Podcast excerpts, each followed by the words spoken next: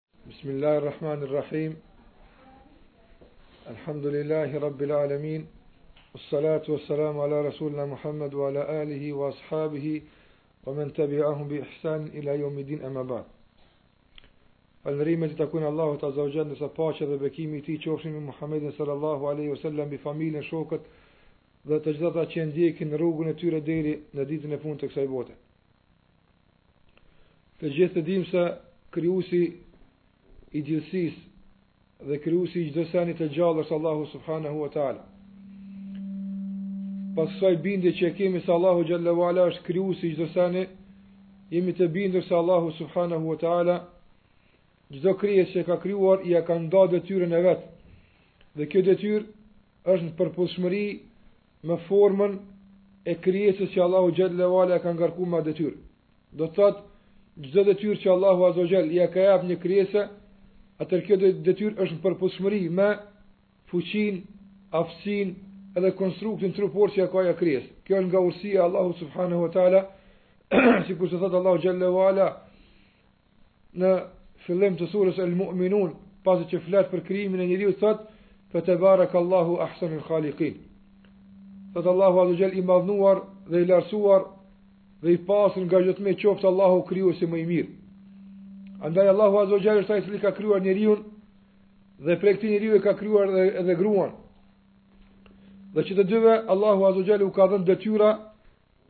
të cilat i kanë për obligim të i kryjnë në jetën e kësaj bote. Disa nga këto detyra i kanë të përbashkëta edhe burri dhe gruaja, ndërsa disa nga këto detyra i kanë të ndara, diçka i takon natyrës së gruas e diçka i takon natyrës së, së burrit.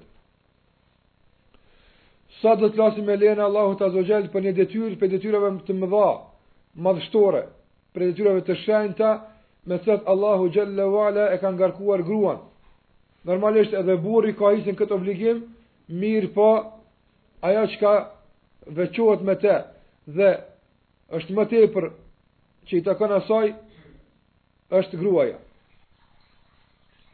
Padyshim se Allahu Azza Xhel tash ka krijuar burrën dhe gruan dhe prej tyne ka bërë që të shumohen dhe të përhapen në tokë gjenerata të, të ndryshme të njerëzve, shekuj e shekuj me radhë nga fillimi i Ademit alayhis salam deri tek deri tek njeriu i fundit në jetën e kësaj bote.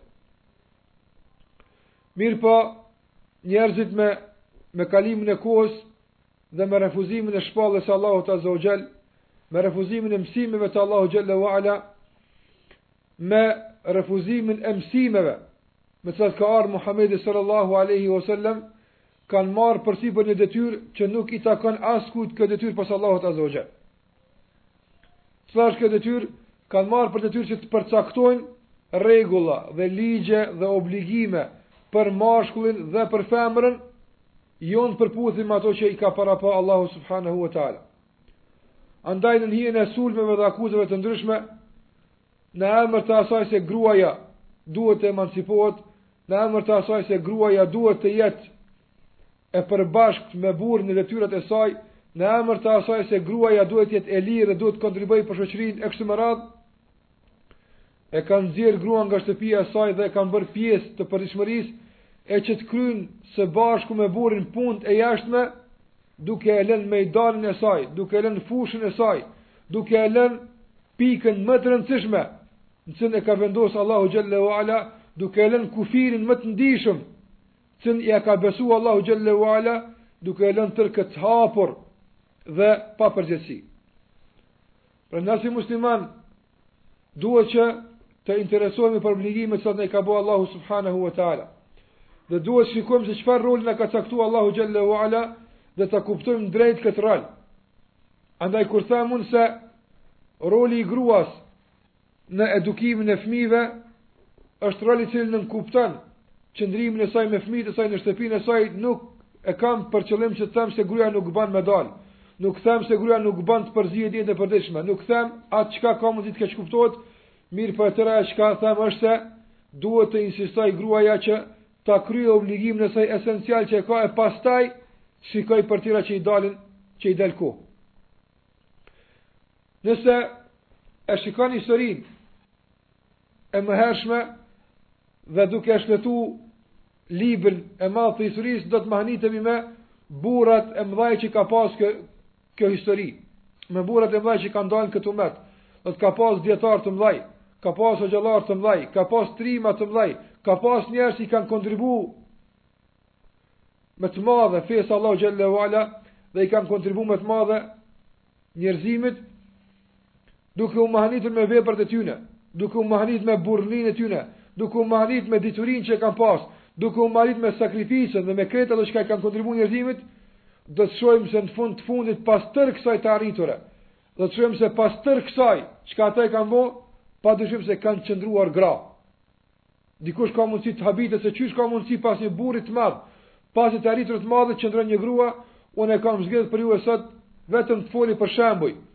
E që këta shembuj që do të flas për ta sot, le të jenë ata ligjëruesit e kësaj ligjërate. Nuk do të sjell fjalë nga vete, as nuk do të flas pika nga vetja ime, mirëpo do të sjell raste nga historia islame, për njerëz të mdhajë të historisë, që nuk i harron historia deri në ditën e gjykimit, për njerëz që Allahu xhele ue ala u ka dhënë pozita të mdhaja në këtë fe, dhe u ka dhënë pozita të mdhaja në këtë dynja, e do të bindeni se pas madhështisë së tyre, dhe pas diturisë së tyre, dhe pas të arritrave të tyre qëndron nëna e tyre, qëndron edukata e mirëfilltë që kanë marrë në shtëpi, prej nënës së tyre apo. Që të shohim se sa është e rëndësishme që dikush t'i rrijë fëmijës gati në vogëlinë e tij. Çka ndodh? Çfarë shembuj prodhohen pastaj kur kur kjo nënë e kryen obligimin e saj ashtu sikur se duhet? Kësi fatkeqësie sot gjeneratat e muslimanëve që dalin, nuk janë gjenerata që shpresohet se do të bartin fenë e Allahut xhele ue ala. Po, është një kthim i madh fesë së Allahut aze ue xhel, shohim muslimanë që kthehen në xhamia, shohim të atillë që i kthehen fesë së Allahut aze ue xhel, mirëpo fatkeqësisht, shohim edhe, edhe vërejmë dobësi të shumta, mungesa të shumta, mangësi të shumta, vërejmë se i kemi trashigu nga fëmijëria jonë, ngase nuk e kemi pas fatin që të kemi prindër, dhe që të kemi babë, ose që të kemi nonë, konkretisht, sikurse kanë pas këta, që do të flasim për ta sot, ato. Andaj, po tham me plot përgjegjësi, nëse na nuk e kemi pas këtë fat, Nëse na nuk e kemi pas rizk që me të vërtetë kemi prindër të tillë. E për këtë na i arsyetojmë, lusim Allahun t'ua falë, nuk do të nuk, nuk dua t'i kritikoj, mirëpo dua të flas realitetin. Nëse nuk kemi pas me të vërtetë nënë e cila na ka edukuar dhe na ka nxitur që pastaj ta korrim suksesin dhe dhe t'i korrim të arriturat e kësaj edukate kur rritemi, atëherë së paku po them nëse na s'kemi pas të kaluar të mirë, atëherë së paku mos t'i privojmë fëmijët tonë nga kjo, nga kjo e dobishme, nga kjo dobi. Mos t'i privojmë fëmijët nga kjo edukatë që na e kemi lakmuar ta kemi. Nëse kemi lexuar në historinë islame për ndonjë nënë muslimane, e cila e ka eduku fëmijën e saj në adhurim, e ka, e ka eduku fëmijën e saj në fenë e Allahut aze ue xhel, e ka edukuar fëmijën e saj në përqëndrueshmëri në fenë e Allahut xhele ue ala, e ka edukuar fëmijën e saj të jetë trim, i pamposhtur, e ka edukuar vajzën e saj të jetë e ndershme, të jetë e mirë, të jetë e moralshme, të jetë e sjellshme. Kur lexojmë këto raste dhe lakmojmë që edhe na të kemi pas dikënd të atillë që kështu na ka mësuar, atëherë së paku thashë nëse na s'e kemi pas kët privilegj, s'e kemi pas kët nder, atëherë nuk bën që edhe fëmijët tonë t'i privojmë nga kjo. Ngase nëse ata arsyetohen të parët tonë se s'kanë ditë, s'kanë pas libra, s'kanë pas hoxhallarë, s'ka pas kush me i mësu dhe me i eduku që ata të edukojnë gjeneratat e ardhshme, atëherën besoj se na nuk, nuk, nuk arsyetohemi me arsyet e tyre. Ne nuk arsyetojmë arsyet e, e tyne. Atëherë motër e nderuar, Allahu xhelle ve ala të ka ngritë, edhe Allahu Subhanehu ve teala të ka në pozitat e nalta. Allahu xhelle ve ala ta ka besu një emanet, që në bazë të atij emaneti qëndron e tërë dunjaja. Kur ai emanet prishet, kur ai emanet humb, dije se ato janë shenjat e para të orës së kiametit të afërt. Nëse gruaja nuk e luan rolin sikur se duhet, ngase sikur se kanë thonë më herët, gruaja është gjysma e shoqërisë, gruaja është gjysma e shoqërisë dhe ajo e sjell gjysmën tjetër. Në gruaja është gjysma e shoqërisë dhe ajo e sjell gjysmën tjetër. Do të thotë gruaja është e tërë shoqëria. Nëse gruaja është në rregull, nëse ajo përmirësohet, nëse ajo rregullohet, nëse ajo i kupton obligimet e saj sikur se duhet, nëse e kryen rolin sikur se duhet, atëherë padyshim Gjysma e problemit është shëru dhe përmes kësaj gjysme do të shërohet edhe problemi tjetër. Mirëpo fatkeqësia ndodh atëherë kur kjo grua e lëshon kufirin e saj, kur kjo grua e lëshon emanetin e saj, e humb dhe lakmon pas çështjeve tjera, del në rrugën e saj, e humb moralin e saj, e humb sjelljen e saj, e humb islamin e saj. atëherë padyshim e kemi humbë gjysmën e shoqërisë start dhe me humbjen e kësaj gjysme do të humbë edhe gjysma tjetër. Ngase thotë pejgamberi sallallahu alaihi wasallam, nuk kam lënë sprovë për burrat e umetit tim më të madhe se sa gruaja. Në s'ka për burra sprovë më të madhe se sa gruaja. Andaj, nëse gruaja nuk qëndron sikur se duhet, nëse gruaja nuk sillet mirë dinjitoze, nëse gruaja nuk e kupton obligimin e saj, atëherë pa dyshim se do të jetë sprovë e rrezikshme për burrin e me prishjen e gruas do të prishet edhe burri, edhe fëmija, edhe shoqëria në përgjithësi. Andaj e kuptove rolin e madh që e ki në shoqni, e kuptove sa të ka nderu Allahu xhelle ve ala, andaj vallahi me hap me mijëra e mijëra vende të punës. Me hap me mijëra e mijëra vende ku gruaja ka mundësi të dal dhe të ekspozohet, pa dyshim se të gjitha këto nuk do të krahasoheshin me punën kryesore që e ka jep Allahu xhelle ve ala, ajo është edukimi i gjeneratave të ardhshme që të kemi një shoqëri, e cila do të jetë në rrugën e Allahut xhelle ve ala, të kemi njerëz të cilët me të vërtetë do t'i përmend historia. E unë e thash në vijim, do të flas për shembujt të cilët janë bërë që t'i përmend historia, janë bërë që të mushen libra të lavdata për ta, për çfarë arsye? Për shkak se nënat e tyre kanë qëndruar së bashku me ta. Kjo është një punë e madhe. Kjo nuk është punë e thjeshtë. Ngase nëse me qindra burra do të mundoheshin që të trajnohen dhe do të mundohen që të shkollohen, ta kryejnë rolin e një gruas që e ka në shtëpi, nuk do të kenë mundësi. Ngase Allahu nuk i ka kriju për atë punë, është e pamundshme. Rolin tënd nuk e zën askush, nuk e merr, s'ka mundësi me lujt këtë rol askush. Ashtu sikur se qumështin e nanës nuk e zavendëson asnjë përbërje tjetër i qumështit. Edhe pse është i përafërt, edhe pse ndoshta ka ushqim të mirë por me zbulimet e fundit të mjekësisë thuhet se qumështin e nanës nuk ka mundësi me zavendësu asnjë një produkt tjetër. Apo. Andaj sikur se nuk ka mundësi me zëvendësu qumështin e saj askush, as edukatën e saj nuk ka mundësi me e zëvendësu askush, as fjalën e saj nuk ka mundësi me zëvendësu askush, as dashurinë e saj ndaj fëmijëve të saj nuk ka mundësi me zëvendësu askush, as emocionet e saja nuk ka mundësi me i zëvendësu askush. Pra është me rëndësi që ta kuptoni rolin që e keni, ta kuptoni këtë rol madhështor, ngase Përmirësimi i shoqërisë fillon prej juve. Rregullimi i i i i shoqërisë fillon prej juve. Ngritja e Islamit fillon prej juve. Ngritja e vlerave dhe moralit dhe sjelljes fillon prej juve. Gjithashtu edhe prishja fillon prej juve. E lusim Allahun xhelle ve ala që t'ju ban fillim për përmirësim, fillim për rregullim, fillim për ngritje. E jo Zot na rujt të jeni ju lëndë të prishjes, të jeni lëndë të çrregullimit, të jeni lëndë të fesadit dhe të prishjes së moralit në mesin e në mesin e njerëzve. Në vijim, duke mos e zgjatë këtë hyrje, thash, nuk dua të që të flas shumë fjallë nga une, mirëpo po dua që t'sjelli shembuj, e që këta shembuj të flasin vetë. Sikur se ndodh që t'sjellin nëpër TV, foto të ndryshme, e këto foto bartin me veti me mijëra fjalë. Foto që bartin me mijëra fjalë, nuk kanë nevojë për komente. Prandaj edhe shkruajnë në fund no comment. Nuk ka koment. Mjafton fotografia, mjafton pamja për të dëshmuar për dhe për të zëvendësuar mijëra e mijëra fjalë. Edhe unë shpresoj që këta shembuj që do t'i sjelli këtu para juve me lejen e Allahut xhelle ve ala do të jenë mu sikurse këto fotografi. Do të jenë me të vërtetë fotografi të cilat zëvendësojnë me mijëra e mijëra fjalë, me qindra e qindra ligjërata, ngase Shembulli është ai i cili është më më i afërt për të, për ta kuptuar dhe dhe ai që është dëshmitari më më i mirë. Do të fillojmë nga koha e pejgamberit sallallahu alaihi wasallam. Keni ndëgjuar për Safian. Safia bija e Abdul Muttalibit, motra e Hamzës radiallahu anhu dhe halla e pejgamberit sallallahu alaihi wasallam. Safia ka qenë halla e Muhamedit sallallahu alaihi wasallam. Ka qenë një grua e ndershme ka qenë një grua burrore dhe trimresh. Kësaj gruaje i ka vdek burri duke qenë fëmija i saj ende shumë shumë i vogël. Ka vdek dhe ia ka lënë një djalë i cili është quajtur Zubejr. Burri i Safisë e ka pas emrin Awam ibn Khuwailid. Ndërsa djalin që ia ka lënë ka qenë Zubejr ibn Awami. Zuberi ka qenë një djalë i cili është rrit në prehrin e nënës së tij, s'e ka pas fatin të ketë bab, burrë që edukon. Përkundrazi, nëna ka qenë ajo që e ka eduku. A e dini kush ka qenë Zuberi? Zuberi ka qenë njeri që Omeri radiallahu anhu e ka krahasu me një mijë sahabe. Domethënë ka vlejt Zuberi sa një mijë njerëz. aq ka qenë trim, aq ka qenë i vendosur, aq ka qenë i edukuar saqë ka vlejt sa një mijë vetë. Ngase kur e ka dërgu Omeri radiallahu anhu Amr ibn Asin me çliru Egjiptin, ka kërku përforcime nga Omeri, Amr ibn Asi ka kërku përforcime nga Omeri dhe ka kërku me ia dërgu 4000 njerëz, 4000 ushtarë. Omeri radiallahu anhu e ka dërgu 4 njerëz vetëm.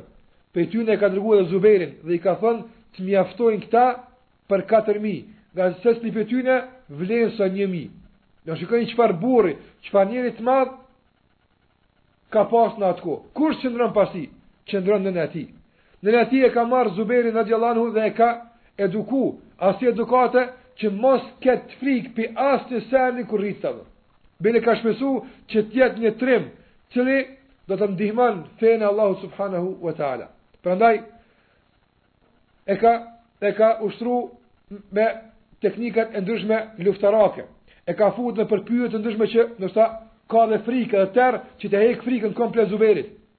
Madje në raste të caktuara kur është friksu nga diçka Zuberi, ka ditë edhe me rrah për këtë frikë, duke i thënë se nuk i takon burrit të frikësohet.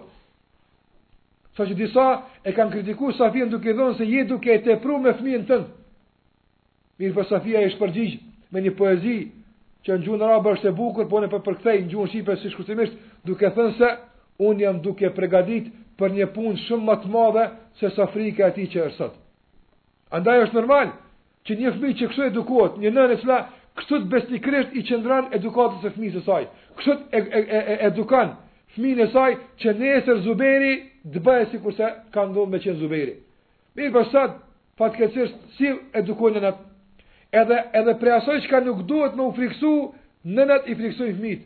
Apo i thot, apo flan apo e thirri policin. Domethënë prej startit e frikson pej policit, apo flan apo vjen ky, apo ulesh apo vjen ky. Domethënë e tut e frikson, mbjell në zemrën e fëmijës dhe në qenien e tij kulturën e frikës që nesër Fëmija nëse s'pe vrejt, mirëpo sot na kur e vrejmë se po tutemi pi ksaj, nuk po kemi guzim për këtë punë, nuk po kemi trimni për këtë punë, pej ka po vjen kjo, po ki qef me kon trim, po ki qef me kon stabil, mirëpo çka, nuk pe gjen veten tënde kët, pej ka ka ardh kjo, ka ardh pej voglis, është është deponu mrena, është selu mrena, pastaj ka fillu me u shfaq kjo pas kohe. Edukata e fëminis nuk nuk shfaqet menjëherë, ajo shfaqet pas 20 vjetë, mas 30 vjetë del n'shesh e Prandaj kemi nevojë për kso nëna, të cilat e ushqejnë fëmijën me qumështin e trimnis, me qumështin e burrnis, që mos t'ia kenë frikën askujt pas Allahu xhelle ue ala. Mos friksohen nga askush, mos i përulen askujt pas Allahu subhanahu wa taala. Kush ka mundësi me eduku këtë fëmijë? Wallahi, unë ju betohem në Allahun e Madh, që këso edukate që Safia ia ka dhënë Zubejrit, me u ngrit me qindra e qindra institute dhe shkolla dhe universitete dhe burra dhe psikologë e sociologë me gjitha teoritë dhe tezat e tyne, të mundohen që ta mbjellin në zemrën e një njeriu këtë trimni që e ka pas të mbjellun Zubejri, nuk do të kishte mundësi me e bo kurrë sikurse e ka bërë nëna e tij Safija radijallahu teala anha. Ky është Zubejri, kalorësi i pejgamberit sallallahu alaihi wasallam, i cili ka qenë kalorës në luftën e Bedrit. Në luftën e Bedrit dy kalorësa kanë qenë vetëm. ka qenë Mikdad ibn al-Aswad radijallahu anhu dhe ka qenë Zubejr ibn Awami.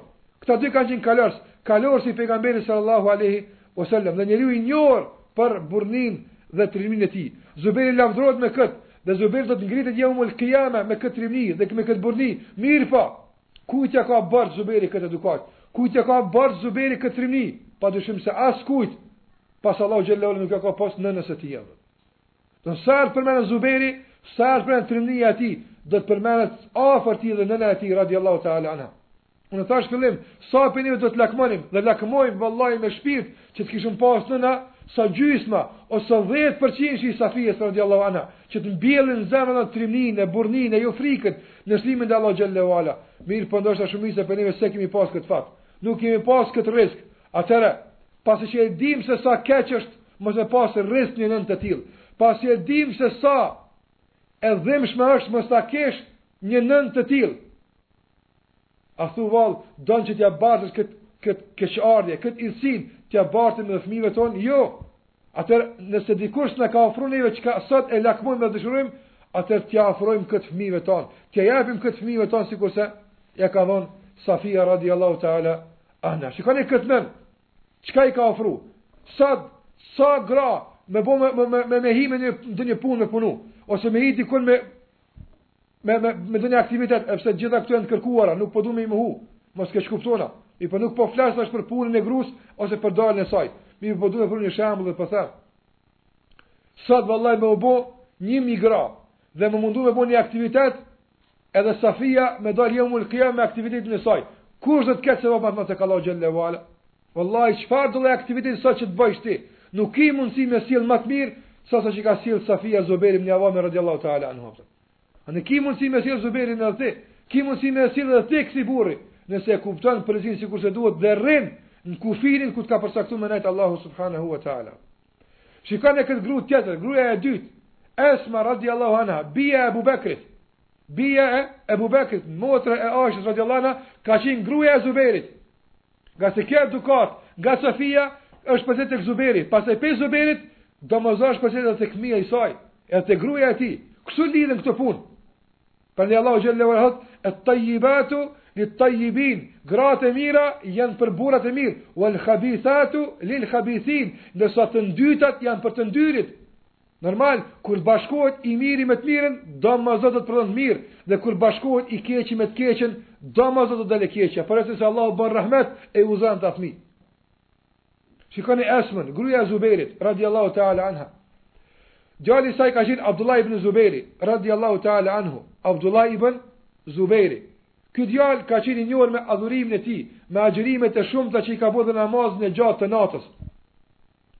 ka pas problem me Haxhaxhin, me një udhëheqës zullumqar.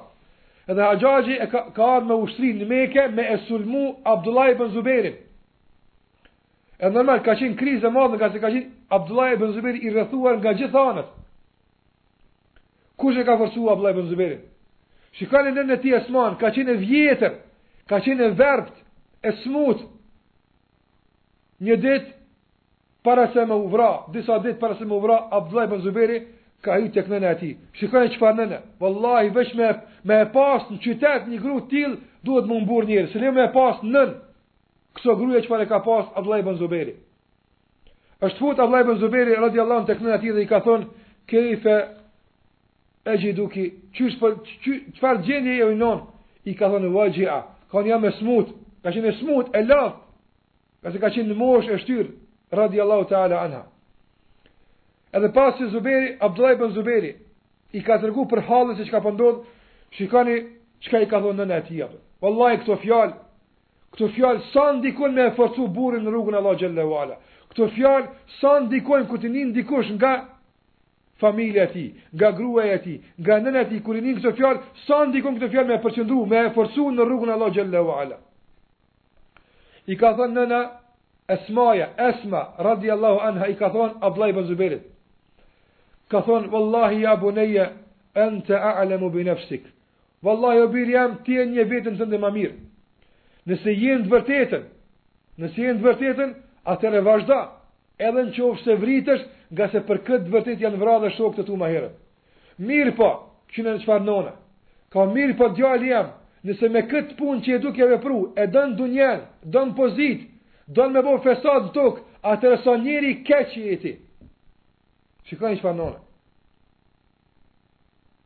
Ka dal Abdullah ibn Zuberi kur ka dal prej nonës tij masi ka marr, është mbush emocione, është mbush kurajë edhe stimulim nga kjo nonë kur ka dal Shikone se çfarë duaje ka bo nëna e tij. Vallahi sot nënat fatkeqësisht na nuk dim edhe me u lut nënat për fëmijët tona, qysh duhet. Lypin po vakia o Zot, mundësoja djalit me hi n'punë, o Zot mundësoja djalit me pas shpi, luten për dunja, ani nuk është e keqe. Mirëpo shikone se si është lut nona e Ibn Zuberit, Esmaja radi Allahu anha, kjo nën, e cila e ka eduku këtë djal, shikone se çfarë djali i ka dhënë historisë islame kjo nën.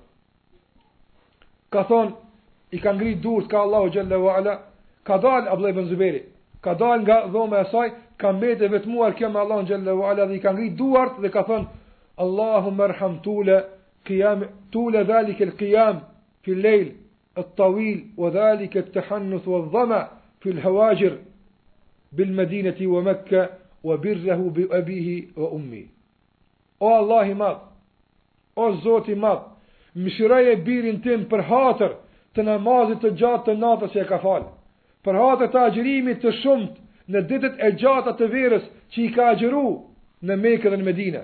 Dhe o Zot mëshiroje birin tim Abdullahun për shkak të respektit të tij që ai e ka pas ndaj babës së tij dhe që e ka ndaj meje. O Zot, Allahumma qad aslamtuhu li amrik. O Allah, unë e kam dorëzu birin tim caktimit tënd. E kam dorëzu. Wa raditu bima qadaita dhe jam e kënaqur me atë që ti e ke caktuar për birin tim. Fa'athibni fi abdillahi thawaba shakirine sabirin, andaj o Allah i madh, më shpërble mua për këtë bir, për këtë djalë që e kam dhënë, për këtë djalë që kam edukuar kështu, o Allah, shpërblem ti mua me shpërblimin e atyre që të falenderojnë ty dhe bëjnë sabër. Shikoni çfarë nënë. Kështu ka bërë sabër. O Zot, unë e kam dorëzuar birin tim në caktimin tënd. Jam e kënaqur. Çkado që të ndodh? Ngase e di se e kam kryer obligimin tim ndaj tij. E kam edukuar. E di që nëse vdes, nuk ja bëj gajle daljes para teje. Nëse vdes, Abdullah ibn Zuberi, s'ja bëj gajle. Ngase e di se do të del me namaz, do të del me agjërim, do të del me zikër, do të del me Kuran, do të del me respekt ndaj prindve. Nuk e kam frikë kurdo që Allahu t'ja merr shpirtin nëmë. Kjo është kuptimi që duhet na ta bartim me vete, që t'ja bartim gajlen e fesë fëmijëve tanë. Çka po mësojnë, çka po lexojnë, çka po flasin, me kon po shoqënohen, çka po sillen tek shpija, në çka po rriten, me çka po ushqehen, kjo është derti jon. Nga të gjitha këto ndikojnë në në edukimin e fëmijës. Shikoni nënën e tretë. Nëna e Sad ibn Muadhit. Sad ibn Muadhi ka qenë një nga udhëheqët e mëdhaj të një fisit të madh në Medina. Sad ibn Muadhi ka qenë i njohur me përkushtimin e tij ndaj pejgamberit sallallahu aleyhi wa sallam. Ky njeri ka bë me të vërtetë adhurime të shumta dhe ka lënë vepra të mëdha në fenë e Allahut azze ve xhel. A mundni me paramendu veç një hadith pejgamberit alejhi selam që ka thënë pejgamberi për këtë njeri? Kur ka vdek Saad ibn Muadhi është vra në luftë. Kur ka vdek Saad ibn Muadhi, a dini çka ka thënë pejgamberi për të?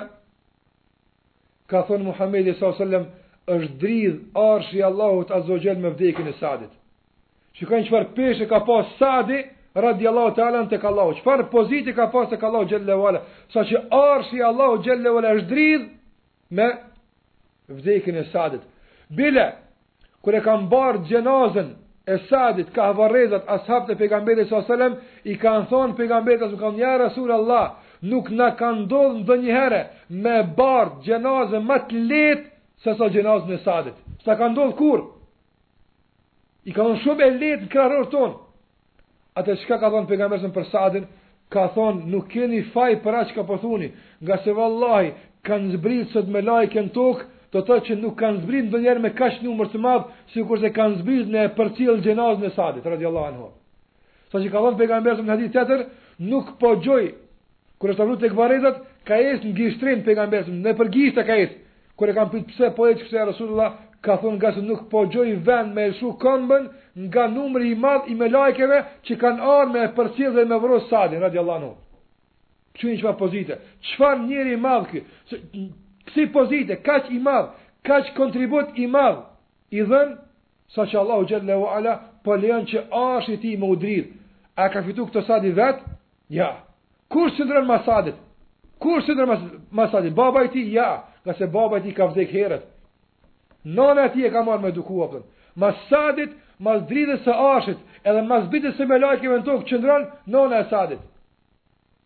E cila kur është nisë Sadi në luftën e Bedrit, është gëzu dhe ka thonë, o Allahi jem, furnizoji djemtë e mi, ose me shehidllëk me me vdekje rrugën tënde ose me fitore që të kthehen e të fiton feja Allahut Azza wa Jall. Kjo nënë i ka edukuar që të jenë tillë, i ka edukuar që ta respektojnë, ta ndëgjojnë pejgamberin sallallahu alajhi wasallam. Të jenë nënshtruar Allahut xhelle ve ala. Edhe si pasojë dhe si rezultat i edukatës së nënës së Sadit, shikoni çfarë djali ka lon nëna e Sadit. Kush ka mundësi sot, çfarë projekti mund sot me kry dikush, çfarë pune mun na sot me bo, që ai projekt, aq, aq peshë madhe me pas, aq pozitë madhe me pas tek Allahu xhelle ve ala, saqë për këtë projekt m'u dridh arshi Allahut xhelle ve ala. S'ka kësi projekti. Andaj motër e nderuar, shikane se çka ka sjell nëna e Sadit, Edhe ajo ka qenë grua sikurse ti. Edhe ajo ka qenë e ligë sikurse ti. Edhe ajo ka qenë e dobët sikurse ti. Edhe ajo ka qenë me probleme sikurse ti. Edhe ajo ka qenë me punë sikurse ti. Mirëpo mbi gjitha e ka pas kufinin e ka ditë. E ka ditë obligimin e saj i cili është edukimi i djemve të saj në rrugën Allahut subhanahu wa ta'ala. Shikane këtë njeri tjetër. Që në këtë rast që unë po ju them, po vallahi, veç rasti mjafton për të folë për këtë çka, çka dëshirojmë na të themi për të. Omer ibn Abdullazizi. Kush është Omer ibn Abdullazizi? është një halife, një prijës i besimtarëve i drejt, që pas katër halifeve drejt, Ebu Bekrit, Omerit, Othmanit dhe Aliut, nuk ka ardh prijës ma i drejt se ai, deri në kohët e sotme. Edhe nuk do të vjen deri në Jeumul Kijame prijës ma i drejt për muslimanët sesa Omer ibn Abdulazizi, mas katër halifeve. Ka qenë i devotshëm. Ka qenë njeri që e ka kuptuar me me me me, me përkushtim më të madh borxhin që Allahut ia ka. Nuk dua të flas për Omer ibn Abdulazizin, për këtë njeri të madh, për këtë halife të drejtë, për këtë njeri që ka arrit për një vjet udhëheqje me bë atë çka s'kanë mujtë të tjerët me bë me qindra, qindra vjet. Lexoni historinë Omer ibn Abdulazizit. Kush qëndron mas tij? Kush është shkak për këtë pastërti të tij? Kush është shkak për këtë madhështi të tij? Kush është shkak për këtë sukses dhe për këtë arritje të tij? Wallahi askush tjetër, askush tjetër përveç nënës së tij. Sa herë të përmendet Omer ibn Abdulazizi, domosdo, duhet përmendet nëna Omer ibn Abdulazizit. Pse? Pse? Ngase nëna e Omer ibn Abdulazizit, çka ka qenë? Kjo ka qenë ajo gruaja e cila ka refuzu me i mashtru muslimanët duke e përzi qumështin me ujë. Një natë, natën e errët, në një dhomë të vogël, një nënë me një bijë, po e pregaditin qumështin për me e shit nesër. Edhe nëna po lakmon që me e përzi qumështin pak me ujë, që me pas qumësht ma tepër e me fitu ma tepër. Ndërsa bija e saj po i thotë, bija e saj po i thotë vajza, po i thotë oj nënë, mos bo kështu, ngase e din se Omeri na ka ndalu me e përzi qumshtin me ujë. Atëherë i ka thonë nëna, e ku na sheh Omeri tash? Natë është. S'na sheh askush. Përzije, Omeri nuk e merr vesh. Atëherë kjo vajzë ka thonë, nëse nuk na sheh Omeri, na sheh Zoti i Omerit. Nëse nuk na sheh Omeri, na sheh Zoti i Omerit. Tërë këtë dialog që po zhvillohet mes nënës edhe bijës, po e përcjell Omeri prej jashtë. Ngase ka dalë me shiku si është gjendja e muslimanëve, si është halli i tyne, a ka ndonjë smut, në nevojë me ia kry nevojën, ka dalë natën. edhe e ka ndëgju këtë dialog, kur e ka pa këtë vajzë kaq të ndershme, të nesërmen, i ka, dër, i ka dërgu msit me e kërku dorën e kësaj vajze për djalin e saj, për djalin e tij. Kjo vajzë e varfër është martu për djalin e halifës, për djalin e Omerit, radiallahu anhu, dhe si rezultat i martesë së tyne dyve ka dalë Omer ibn Abdulazizi. Domethonë, Omer ibn Abdulazizi është si pasojë e pastërtisë dhe e ndershmërisë së nënës së tij. Prandaj dikush që e ndëgjon këtë ligjëratë ka mundësi me thonë, po unë s'kam fëmijë. Pregaditja e fëmijës të fillon prej tash duke u pregadit ti. Shiko sa herët është dashtë me qenë e gatshme, e pregaditur, e pastër, e ndershme kjo grua që pastaj si rezultat i kësaj pastërtie dhe ndershmërie të del fëmiu i saj i pastër, i ndershëm, i edukuar, Omer ibn Abdul Aziz. Kjo është rast tjetër. Rasti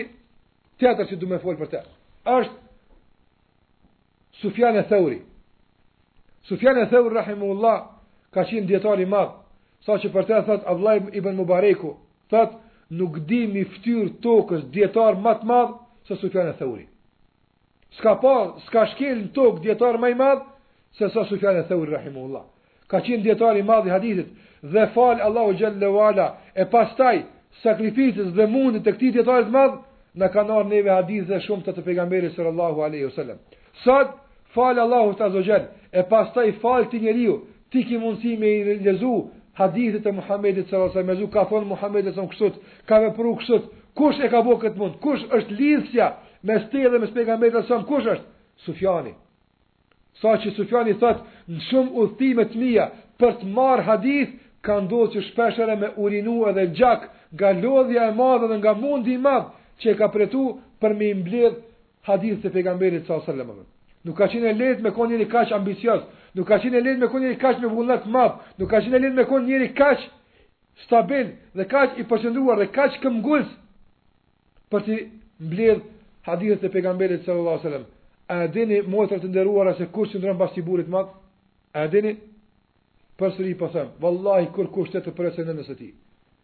Mas një burrit madh, mas një njerit madh, mas Sufjan Eth-Theurit rahimehullah qëndron nëna e tij. Ngaqë Sufjanit i ka vdek baba shumë, shumë herët. I ka vdek baba shumë herët. E ka lon jetim Sufjanin. për të tregu se si një nënë vetëm kur don ka mundësi me bo shumë apo. E lere më kur të bashkëpunojnë së bashku burri dhe gruaja si do. Lere më kur të bashkëpunojnë sikurse duhet, çdokush e kryen rolin e vet, çka del atëherë. Nëse këto gra kanë mujt vet me i përballu sfidave të kësaj bote. Kanë mujt vetë me eduku fëmijët, me i bo kështu këta fëmijë. Atëherë qysh nuk ka mundësi nëse bashkëpunojnë drejt dhe si duhet edhe burri edhe gruaja me kry këtë emanet sikurse duhet. Sufjan Eth-Theuri Rahimehullah për me kërku dituri është dash me pas pare, ngase me udhtu pej një veni në një ven. apo me udhëtu pej një veni në një ven, për me kërku hadith, është dash me pas pare, me pagu mjetin e udhëtimit, me pagu rrugën, me pas ushqim, me pas tesha, me pas pare, me ble drasa, ose letrën që ka me shkrujt, me ble ngjyrë, me ble lapsa, krejt këto dujnë harxhime. Kush e ka majtë me harxhime Sufjan Eth-Theurin, Nëna e tij. Shikoni çfarë nëne. Wallahi një fjalë e tillë pej nënës është shumë normale kur del nga goja e nënës me sinqeritet më të plotë e i thotë djalit të vet këso fjalë është normal me dal është normal me dal dietar sikurse Sufjan Eth-Theuri. Një përkrahje kaq e madhe nga nëna, wallahi e bën një djalë të madh sikurse ka dalë Sufjani. I ka thonë nëna Sufjanit, o biri im, dil edhe kërko ilm, dil edhe kërko dituri, të mjaftoj unë me punën time. Ajo ka qëndis n'shtëpinë e saj edhe krejt çka ka qëndis, e ka shit, s'ka blerë për veten e saj asnjë sen. Gjitha çka i ka pas, i ka shpenzu për birin e saj që të shkollohet, të kërkon dituri, ta mbledh hadithin, të bëhet dijetar i madh. Andaj, shikoni se sa i ka kontribu umetit, sa i ka kontribu fesë tonë një grua. E pastaj thonë, valla islami nuk e integron gruan. Valla islami nuk e lën gruan m'u, m'u afirmu. Valla islami nuk, nuk e pengon gruan që të kontribon. Valla islami e pengon gruan që të jetë e avancuar. Islami e pengon gruan që ta kryen rolin e saj e kështu me radhë. Unë ju them atyre që flasin kështu, le të m'i mbledhin me qindra e qindra gra dhe punë që ato i bëjnë, le të sjellin këtë në punën e tyre sa gjysma e Sufjanit. Nuk kanë mundësi, jo pra vallahi. Nuk kanë mundësi. Nëse o puna me kontribut, nëse o puna me, me, me të arritura, nëse o puna me dobi, atëherë ja shikoni se kush ka bo dobi. I kanë eduku, i kanë ushqy me qumështin e hallallit, i kanë ushqy me qumështin e ndershmërisë, dhe turpit, dhe frikës ndaj Allahut subhanahu wa ta'ala. Andaj i ka thonë nëna Sufjanit, shikoni çfarë nëne, vallahi, sa lakmojmë dhe sa i kemi mall këto fjalë me i ndëgju nga dikush në ditët e sotme. I ka thonë nëna Sufjanit, shko bir im kërko hadith, ti rri shlirë, ti veç mëso, nëna jote me këto dy duar, sa të më punojnë dy durt, unë kom me punu për ty. Pastaj i ka thonë nëna Sufjanit, radiallahu ta'ala, anhu, o bir im, O bir im, je duke shkru shumë, unë e kisha pas një kërkesë prej teje. Mos i shkruj 10 hadithe, përderisa ta shikosh ndikimin e këtyre haditheve në ty. A po ndikojnë këto hadithe pozitivisht, kur po i shkrun këto hadithe, a po të rritet imani, a po të rritet frika ndaj Allahut xhel-le ue ala, a po të rritet përkushtmëria ndaj Allahut xhel-le ue ala, ka thonë nëse nuk ndodh kjo, atëhere Ruaju ngase këto hadithe do të bëjnë dëm jeumul kijame, nuk do të bëjnë dobi. Pra një nënë e cila e çon fëmijën me shku në shkollë, i thotë o bir im, o bir im, ki kujdes, mos ja prek lapsin dikujt, mos ja prek gumën dikujt, mos të shkon dora me marrë diçka, mos e shtyj atë, mos e bë këtë, bënu i mirë.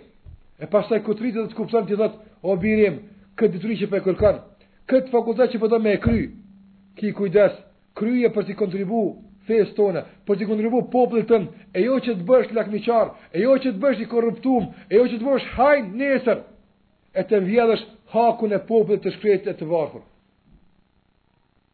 Nuk e lufton korrupsionin askush ma mirë se nona. Nuk e lufton hajninë askush ma mirë se nona. Nuk e lufton, mas, ma, nuk e lufton çrregullimin në shoqni askush më mirë se nona. Nëse ajo nëse edukon fëmijën dhe fëmija i saj i edukuar, bëhet nesër me pozitë, ai do ta bartë me veti në pozitën e tij, në vendin e tij të punës, kudo që të është, do ta bartë edukatën e nënës së tij, do ta bartë qumështin hallall që e ka thith nga, nga nëna e tij, do ta bartë ndershmërinë që e ka mësu nga nëna e tij.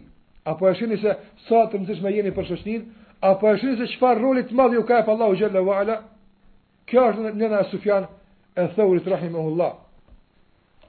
Tjetër nën. Tjetër nën. Në kohën e hershme, në kohën e Imam Malikut, dijetari i njohur, e dini ato medhhebe që janë të njohura medhhebi i Ebu Hanifës, Hanefi, e medhhebi Imam Shafiut, medhhebi Shafi, është medhhebi Imam Malikut, dijetari i njohur, Imam Maliku, Malik ibn Enes, dijetari i njohur në, në Medine. Pak ma heret, se Malik ibn Enes ka qenë një kërkesë nga udhëheqësi i muslimanëve që me i mbledh burrat edhe me i nis për për luftë. Edhe një njeri normal i bjen obligimi, i bjen do të thotë detyra që me shku n'luftë me me këta musliman. Kur niset ky njeri n'luft, e len gruan e tij shtatzane. Kur niset n'luft, e len gruan e tij shtatzane. Mirëpo luftat e atëhershme kanë qenë që u dashke me udhtu larg, pastaj njeri ndoshta nëse u plagos, ka met me vite të tëra duke u shëru i humbur derisa u kthye kështu me radhë. Kjo i ka ndodhë këtij njeri? është vënu me vite, mirëpo ia ka lon grus së tij 30.000 dinar. Dinari atëherë ka qenë i arit. Domethënë si me ia lon 30.000 pare të arit. I ka lon pasni të madhe. Tha se nuk di kur kthehna, nuk di çka ndodh, së paku ti me pas. Unë po shkoj në rrugë të Allahut xhele ve ala, unë po shkoj me kry një obligim, së paku qëto pare po t'i lo ty që të kesh mundësi mu kujdes për veten tënde, edhe për fëmin që e ki n'bark kur të lindë.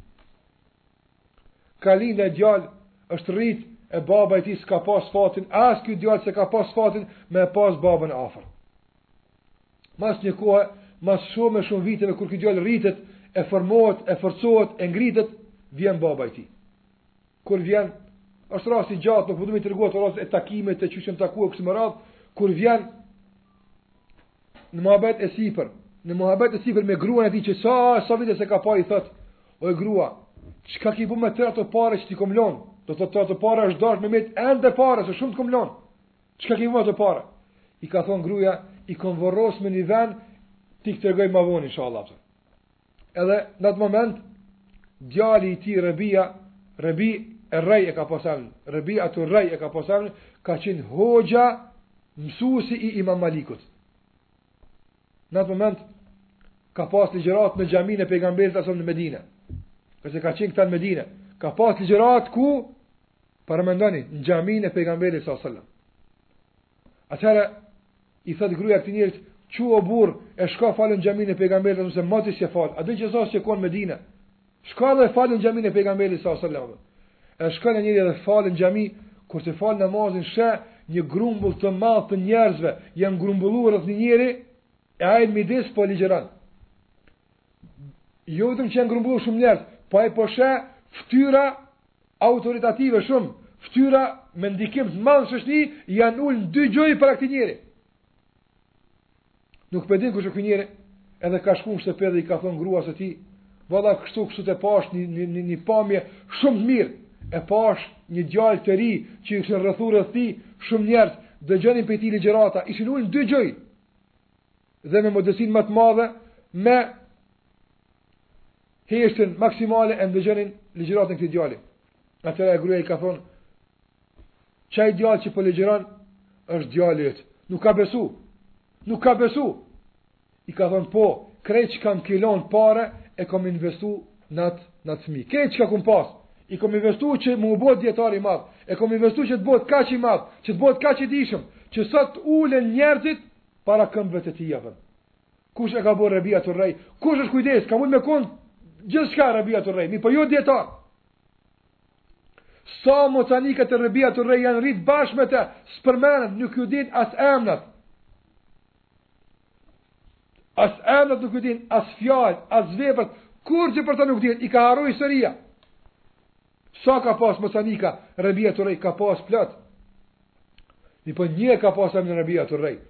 Një është dallu, veç njëri ka met i përmend në histori, për çfarë arsye. Për çfarë arsye. Pse ka pas babën pasanik, pse ka pas babën n'pozitë, pse është rritë në pallat, jo vallahi.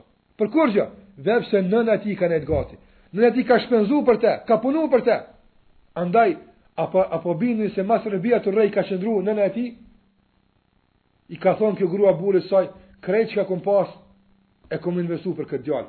Atëherë baba kur e ka pa këtë arritje, kur e ka pa këtë mund që ka shpenzu kjo grua, i ka thonë, me të vërtet betohem në Allahun, unë jam dëshmitar se ti e ke rujt djalin tem.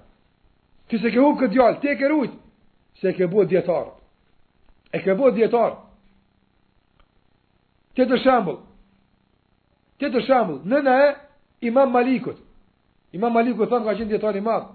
Sa që kur është bë Imam Maliku hoxhë në Medine, ka pas ndalu në Medine me dhon fetva, mu përgjigj për punë fetare dikush pas Imam Malikut. Ka thon përderisa është Imam Maliku në Medine, nuk guxon kurkush me dhon fetva. Kaq i madh ka qenë. Kaq dijetar i madh ka qenë. A dini kush e ka bo kështu? nëna e tij. Kur ka qenë i vogël, i ka thonë eja biri im, t'i veshi teshat e ilmit, teshat e diturisë. Edhe thotë Imam Maliku, më veshte nëna bukur, më veshte me tesha të bukura, ma lidhte atë imamën sarukun, që kanë lidh mbi kokë, më vendoste kapelen e mësimit, talebeve më veshte mirë, edhe më thonte nëna kështu, shikoni çfarë nëne, e ka vesh bukur, pastër, Edhe i ka thonë, i ka thonë, shko biri im në hallkën, shko biri im në dersin, shko biri im në ligjëratën, e Rebiatu Rej, e atij ma herët që folëm, edhe merre së pari moralin prej tij, sjelljen prej tij, pastaj merre diturinë prej tij. Çka e ka mësu? Mos merr veç dituri, po shko bënu i sjellshëm sikurse ai, bënu i devotshëm sikurse ai, e kështu me radhë. Andaj mas Imam Maliku qëndron kush? Qëndron nëna e tij. Mas Imam Shafiut kush qëndron? Imam Shafiu rahimehullah, dietari i njohur. Imam Shafiu rahimehullah i ka vdik baba e Imam Shafiu ka qen ende fëmijë duke pi qumësht. Ka qenë shumë i vogël, i ka pas ndoshta kurse më tepër se ndoshta 2-3 muaj ditë. Foshnje e vogël kur i ka vdek baba Imam Shafiut. Atëherë e ka marrë nëna e tij. Dhe ajo e ka eduku, e ka ngrit dhe e ka bo dijetar. Aq dijetar të madh e ka bo.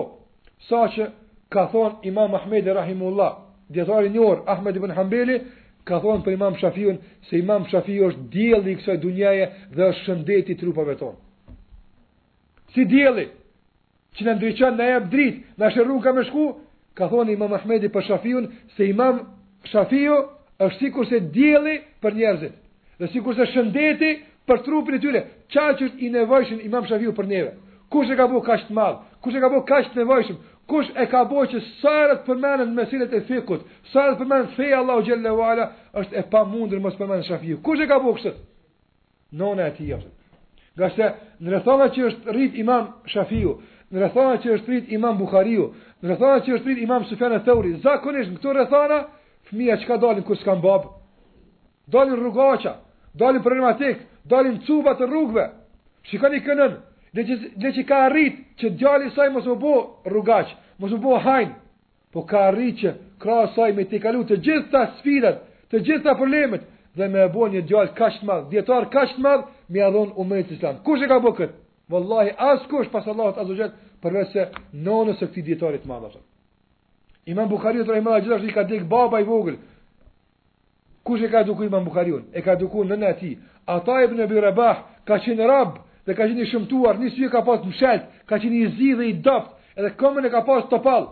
Do i ka pas të gjitha paradispozitat me kon i nënçmum dhe i përbuzur n'shoqni. Kur të rritet, ka qenë rob, shërbtor, edhe plus i shëmtum. Do thotë i ka pas të gjitha paradispozitat me kon i nënçmum, i lënë n'shoqni. Kush e ka bo Ata ibn Abi Rabah, dijetarin e madh, që është ul halifja me bijtë e tij para kombve t'tij. Edhe i ka thonë Ataja prite renin me vet. I ka thonë halifës prit në ren me vet. Kush e ka ngrit këtë njeri kaq nalt pas pas Allahut azze ue xhel? Vallahi nëna e tij jepëtën. Ataja s'ka pas babë. Ata ibn Abi Rabah, i ka thonë nëna e tij, vallahi e di biri im, se Allahu xhele ve ala nuk të ka dhonë fuqi, edhe di që Allahu s'të ka dhonë pasuni, edhe di që Allahu s'të ka dhonë bukuri, mirëpo une me lejen e Allahut kom me t'jep diçka, që ka me t'i zëvendësu krejt ato që ti s'i ki, edhe kom me t'jep diturin, ilmin, edhe ka qëndru pas tij nëna e tij, edhe e ka bo këtë dijetar kaq të madh Atanë. Shikoni këtë nënë tjetër, e cila Kështu i ka eduku fëmijët që duhet m'u ngjallë shpia. Një nënë e cila e ka nda namazin e natës me bijtë e saj apo. Tregon Veki ibn Xherrah, një dijetar i madh, tregon për një dijetar tjetër që e ka pas emnin El Hasan ibn Salih. Hasan ibn Salih e ka pas emnin, ky njeri ka qenë dijetar i madh. dhe në familje dhe në familje t'tij kanë jetu në familje t'tij kanë jetu nëna e Hasanit nëna e tij Hasani dhe vllau i tij Aliu në kjo ka qenë familja nga tre anëtarë s'kanë pas as babë as motër as kërkan ka qenë një nënë me dy djem të saj Hasan ibn Salih domethënë Hasani me Aliun edhe nëna e tyne Kjo nënë ju ka thonë bijve të tyre, O bijtë e mi, a, a mirremi vesh na, që në shtëpinë tonë mos të jetë asnjë pjesë e natës pa u fal namazi? Atëherë ka thonë, unë, nëna e tyre plakë, ka thonë, pjesën e parë të natës bijtë e mi unë e falëna. Kur të lodhëna bij flej, çohet Hasani falet, pastaj çohet Aliu, që çka, deri n'namaz t'sabahut, t'ketë n'këtë shpi dikush që falet për Allahun xhele ve Shikoni çfarë none. Vallahi të kishim pas ne kështu dikush me na eduku, s'kishim pas nevojë sot për derse të namazit, e derse të agjerimit, e derse... Nuk ki nevojë. Nëse i ushqen n'start, n'fillim, nuk din me flejt ndryshe pos kështu. Nuk din m'u sjell ndryshe pos kështu. Andaj, kështu e kanë çu jetën. Kur ka vdek kjo nënë, Allahu qoftë i knaqun me te, andaj atëherë gjysmën e natës e ka marrë Hasani m'u fal, gjysmën tjetër e ka marrë Aliu, vllau i tij, apën. Kur ka vdek Aliu, ka met Hasani vetë. Atëherë Hasani ka thonë, unë e zëvendësoj namazin e nanës edhe namazin e vëllaut, është falë tan natën atë. Kush e ka eduku Hasanin kështu me kon? Kush? Nëna e tij. Ngase nëna e tij ka mujt me eduku që tan natën me lujt, ka mujt me eduku që tan natën me këndu, ka mujt me eduku që tan natën Apo me flajt, ka mujt me eduku që tan natën me kon po rrugë, po ka mujt me eduku që tan natën me u falë. Gjitha këto, këto rrugë, i zgjedh fëmija, pasi që ja lejon, pasi që ja rregullon këto punë, kush? Nëna e tij atën. Nëna është ajo që thashë, na ofron neve vajza të ndershme, ngase ajo ajo i edukon. Nëna është ajo që na ofron neve dijetarë të mëdhaj. Nëna është ajo që na ofron neve të devotshëm të mëdhaj, njerëz të mëdhaj, të ndershëm të mëdhaj. Andaj ty që Allahu xhelle ue ala të ka zgjedhur për këtë punë.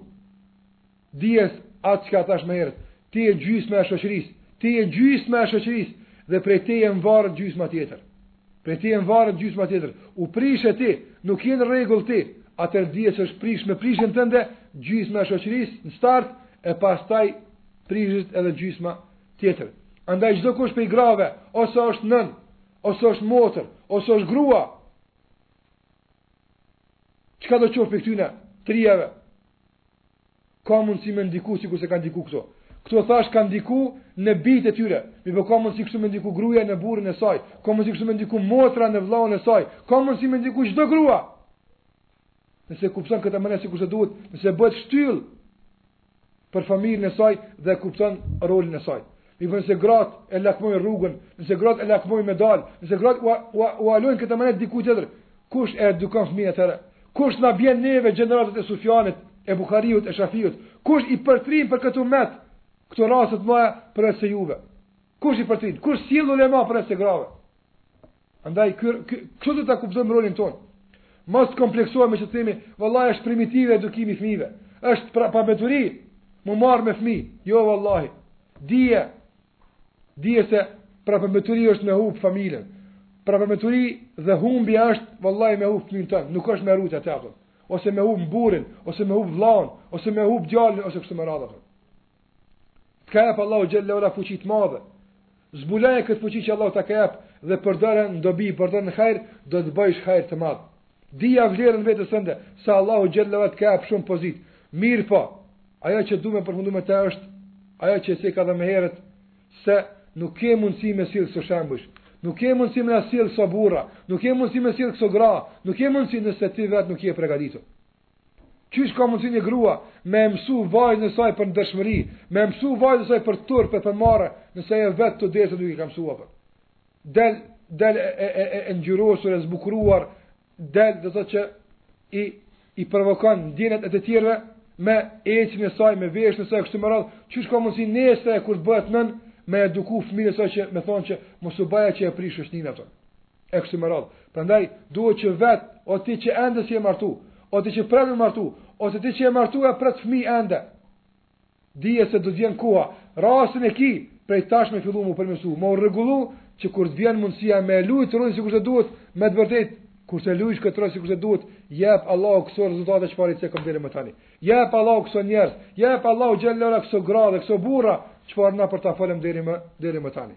Na lusim Allahun e madh, që me të vërtetë gratë tona, nënat tona, motrat tona, të ngriten në nivelin e përgjegjësisë që e kanë, të ngriten në shkallën që Allahu ka kërku prej tyne, të ngriten në nivelin e përgjegjësisë që Allahu xhel-le ve ala i ka ngarku me te, dhe ta luajnë këtë rol ashtu sikur se duhet, t'i mbështesin ata që kanë për obligim me i shty proceset përpara, t'i mbështesin ata që kanë për obligim me mbajt shtëpinë, që t'jenë mbështetja e tyne këto gra ashtu sikurse, sikurse duhet, e që pastaj me të vërtetë të mburremi se na Jemi të familjeve ku ka Safije, e ku ka Esma, e ku ka nëna sikurse nëna e Sufjanit, e nëna e Shafiut, e Bukhariut, e Ata ibn Abi Rabahit e kështu me radhë. Të jemi ata të cilët me të vërtetë nuk dim haram. Nuk dim haram. Për çfarë arsye? Ngase nënat tona nuk e kanë ditë këtë haram. Nëse na s'e kemi pas tash këtë privilegj, atëherë s'paku fëmijëve tanë t'ua ofrojmë këtë nder që na e lakmojmë vazhdimisht, vazhdimisht ta kemi. Zoti na udhëzoftë në rrugën e drejtë, na përmirësoftë gjendjen tonë, na rregulloftë pozitat tona, na mundësoftë që të jemi sa ma dobiprurës, sa ma të atillë që kontribojnë pozitivisht për vendin e tyne, për familjet e tyne, duke i kuptu obligimet e tyne dhe duke kry këtë me përpikërinë ma të madhe. Zoti ju forcoftë e ju ruajt dhe ju mundësoftë që me të vërtetë prej juve të dalin burra sikurse kanë dalë ma herët nga nëna të ndershme dhe ka, dhe nga gra burrërore që e kanë kuptu emanetin sikurse duhet. Me kaq e përfundojmë, sallallahu ala Muhammedin wa ala alihi wa sahbihi wa sallam tasliman kathira.